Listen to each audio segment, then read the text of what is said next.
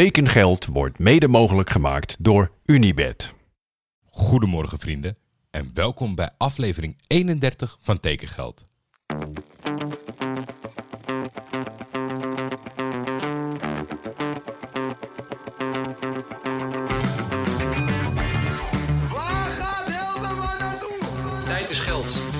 Geld in voetbal is bijna een garantie voor succes.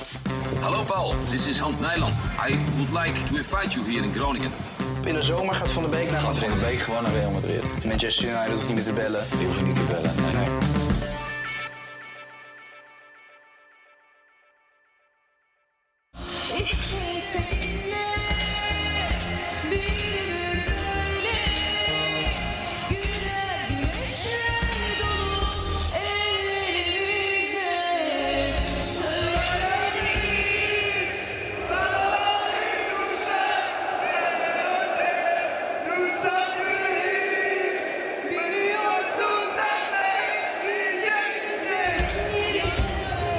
Die mij volgen op Twitter zijn me al spuug en spuugzat.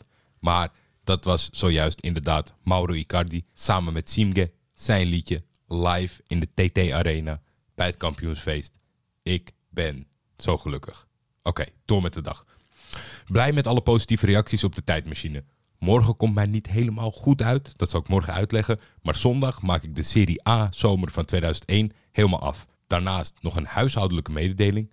Hou donderdag 24 augustus rekening in je agenda met tekengeld. De details volgen snel, maar ik zou het zonde vinden als je het mist omdat ik te laat was met het melden. Nu over naar de transfers. Uiteraard moet Dordrecht ruimte maken voor al die tijdelijke Feyenoorders. Helaas betekent dat dat wij afscheid moeten nemen van attractie Samuele Longo. De man die gaten knipt in zijn sokken ter hoogte van zijn kuit. Mocht er een prof luisteren die dit ook doet, vertel mij alsjeblieft waarom. Let op, ik vraag het aan de profs hè. Dus niet als fanatieke Nordic Walker ineens gaan reageren. Alleen profvoetballers. Samuele, die op het trainingsveld stond met alle wereldsterren van het Inter van 2010, gaat het nu weer eens proberen in Griekenland, bij Pas Lamia. Zegt het u wat? Mij niet.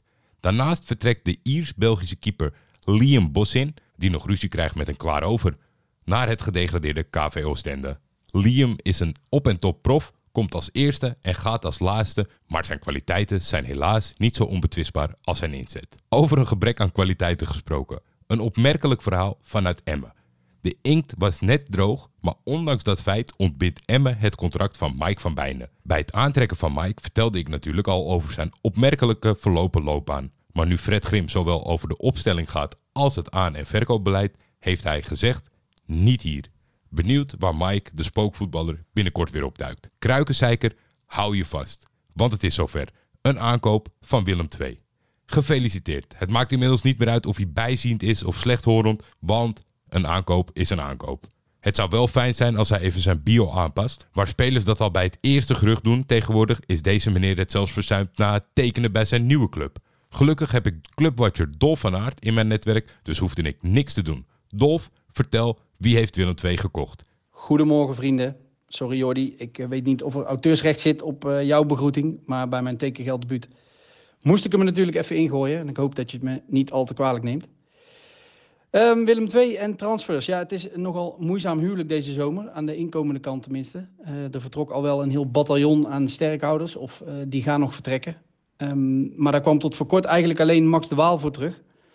En niks te nadelen van die jongen. Eh, die krijgt natuurlijk ook gewoon een eerlijke kans. Maar voor de Willem II-achterban was dat eh, in ieder geval een behoorlijk teleurstellende opbrengst.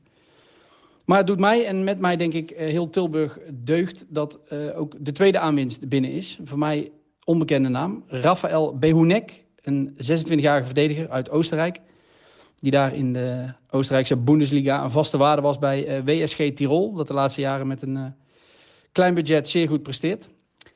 Eh, mede dankzij een eh, tip van jou heb ik meteen een digitaal lijntje kunnen leggen richting Oostenrijk. Eh bij Hoenek blijkt een behoorlijk technische, vrij duelkrachtige en niet al te snelle verdediger te zijn.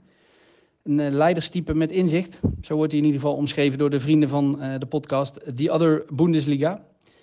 We zullen zien of hij op het veld een aanwinst gaat blijken. Maar als journalist, en je weet dat wij toch altijd op zoek zijn naar sappige quotes... moet ik toch even vermelden dat Willem II in ieder geval een vrij uitgesproken speler binnen lijkt te hebben gehaald. Eh, hij haalde in een eh, interview bij eh, Sky ooit hard uit naar de Oostenrijkse scheidsrechters, die in zijn ogen gewoon slecht waren. Ik citeer.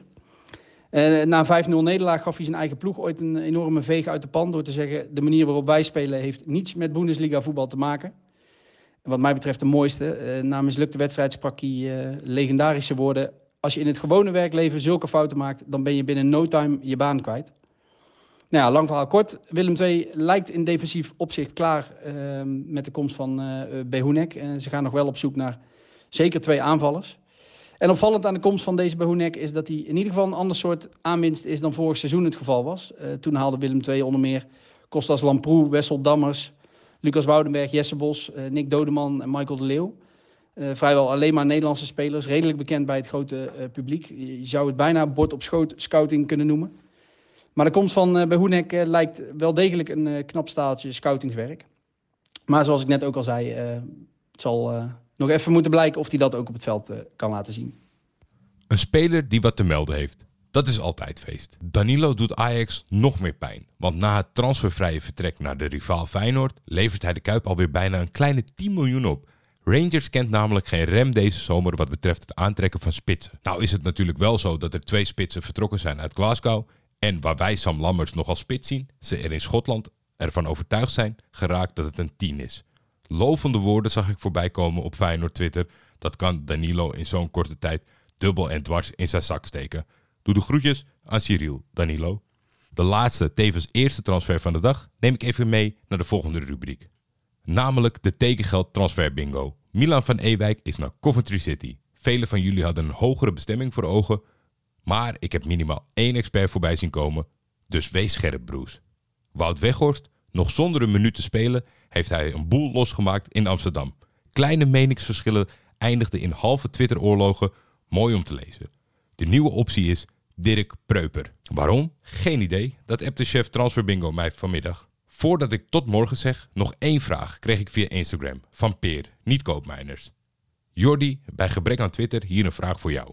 Maar eerst nou, dat slaan we even over. Bla bla bla bla. Ik ben benieuwd naar jouw mening over de hoogte van de compensatie voor de vrouwelijke voetballers. Laat me vooropstellen dat ik helemaal voor gelijkwaardige behandeling ben.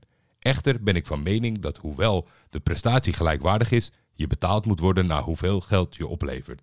Dus dan is het logisch dat de vrouwen minder verdienen dan de mannen, omdat de mannen nu eenmaal vooralsnog commercieel gezien interessanter zijn. Dus als je gelijke behandeling wilt, dat zou eerlijk zijn in plaats van in verhouding minder geld binnenbrengen en evenveel verdienen. En aangezien jij vaak zinnige dingen zegt, nou dankjewel Peer, was ik benieuwd naar jouw mening in deze kwestie. Groetjes. Soms ontvang je van die vragen die eigenlijk een soort van ja, uitnodiging zijn tot instemming of het mee eens zijn van je eigen mening. En in deze, ja, ik kan je niet anders dan gelijk geven, Peer. Want ik ben ook voor gelijkwaardige behandeling. Ik ben denk ik iemand die weet op wat voor manier je naar dit soort eindtoernooien of tussentijds competities, Champions League, et cetera moet kijken. Niet de hele tijd die vergelijkingen maken. Alleen leven we natuurlijk wel in een tijd waarbij koppen niet helemaal het ware verhaal vertellen. Want ik kan me ook niet voorstellen dat er zoveel landen, clubs, meiden zijn die de strijd aan willen gaan om op dezelfde manier gecompenseerd te worden als de mannen. Wel verhoudingsgewijs, maar niet op detailniveau. Dus, dus als er bonden zijn die vragen om een gelijke betaling aan de mannen, dan ga ik ervan uit dat als er een potje is met 1 miljoen en de mannen krijgen van dat 1 miljoen potje 80%, dat zij van hun potje van 1 ton ook 80% willen. En niet dat zij zeggen wij willen hetzelfde verdienen als de mannen. Zo zijn die koppen vaak, maar ik geloof daar gewoon niet in. Ik heb het voorrecht gehad om zoveel Nederlandse profvoetbalsters te spreken, dat ik gewoon niet geloof dat het anders in elkaar steekt. Dat zij echt zeggen, een speler krijgt uh, 10.000 euro van Oranje voor een interland. Wij willen hetzelfde. Het gaat, denk ik, om de verhouding. En zolang het om die verhouding gaat, zijn we gewoon. Moet, nou ja, zijn we gewoon. Dan moeten we het daarmee eens zijn. Als de KNVB bereid is om de mannen een verdeelsleutel te geven van 80-20, dan zullen ze dat ook bij de vrouwen moeten doen. En daar valt niet aan te tornen en dat moet gewoon. En als speelsters bepalen om het een en ander te weigeren, staan ze in hun goed recht. Maar als het nou gaat op detailniveau, dat zij zeggen van speler X bij het Nederlands elftal krijgt 10.000 euro, ik wil ook 10.000 euro. Ja, daar zijn we nog lang niet. We doen ons best met z'n allen. Eindtoernooien helpen enorm. In het voetbal zijn er altijd cruciale, veelzeggende momenten. Daarom was het afgelopen seizoen bijzonder jammer dat de kraker tussen Ajax en Twente in de competitie, de wedstrijd waar alles om draaide richting de titel, een beetje teleurstelde. Want dat zijn toch de momenten dat ja, de passief geïnteresseerde mensen, de mensen met een vooroordeel inschakelen. En met de eindtoernooien met de Oranje Leeuwinnen is dat over het algemeen goed gegaan. Maar in de competitie was dat wel een klein beetje jammer wat dat betreft. Want dat zijn gewoon hele belangrijke momenten. Want je moet de hele tijd mensen met allerlei vooroordelen een soort van het, tegendeel bewijzen of, of, of overtuigen. Dus ja, nu wijk ik iets te veel af. Maar in de core ben ik het eens met jou. Zolang we het erover eens zijn dat het verhoudingsgewijs gelijk is. Dus dat de verdeelsleutels gelijk zijn. Meer zou je niet moeten willen. En meer zit er ook denk ik niet in. Iedereen die meer zou willen heeft denk ik de verkeerde motieven om een gelijkwaardige sport te creëren. Nou, heftige uitsmijter, maar voor jullie tot morgen. Tekengeld is een Schietvogeltje Media Original en wordt dit seizoen in samenwerking met FC Afkikken gemaakt. De intro is van Jacco den Hertog. Voor commerciële vragen kun je altijd mailen naar schietvogeltjemedia.gmail.com of contact opnemen met FC Afkikken. Wow, breaking news. Stef de Bond, kom erin. Ja, breaking nieuws in Utrecht. Ehm, stel, je hebt een eerste keeper, Vasilis Barkas, gehuurd van Celtic. Eh, uitstekende doelman, Grieks International.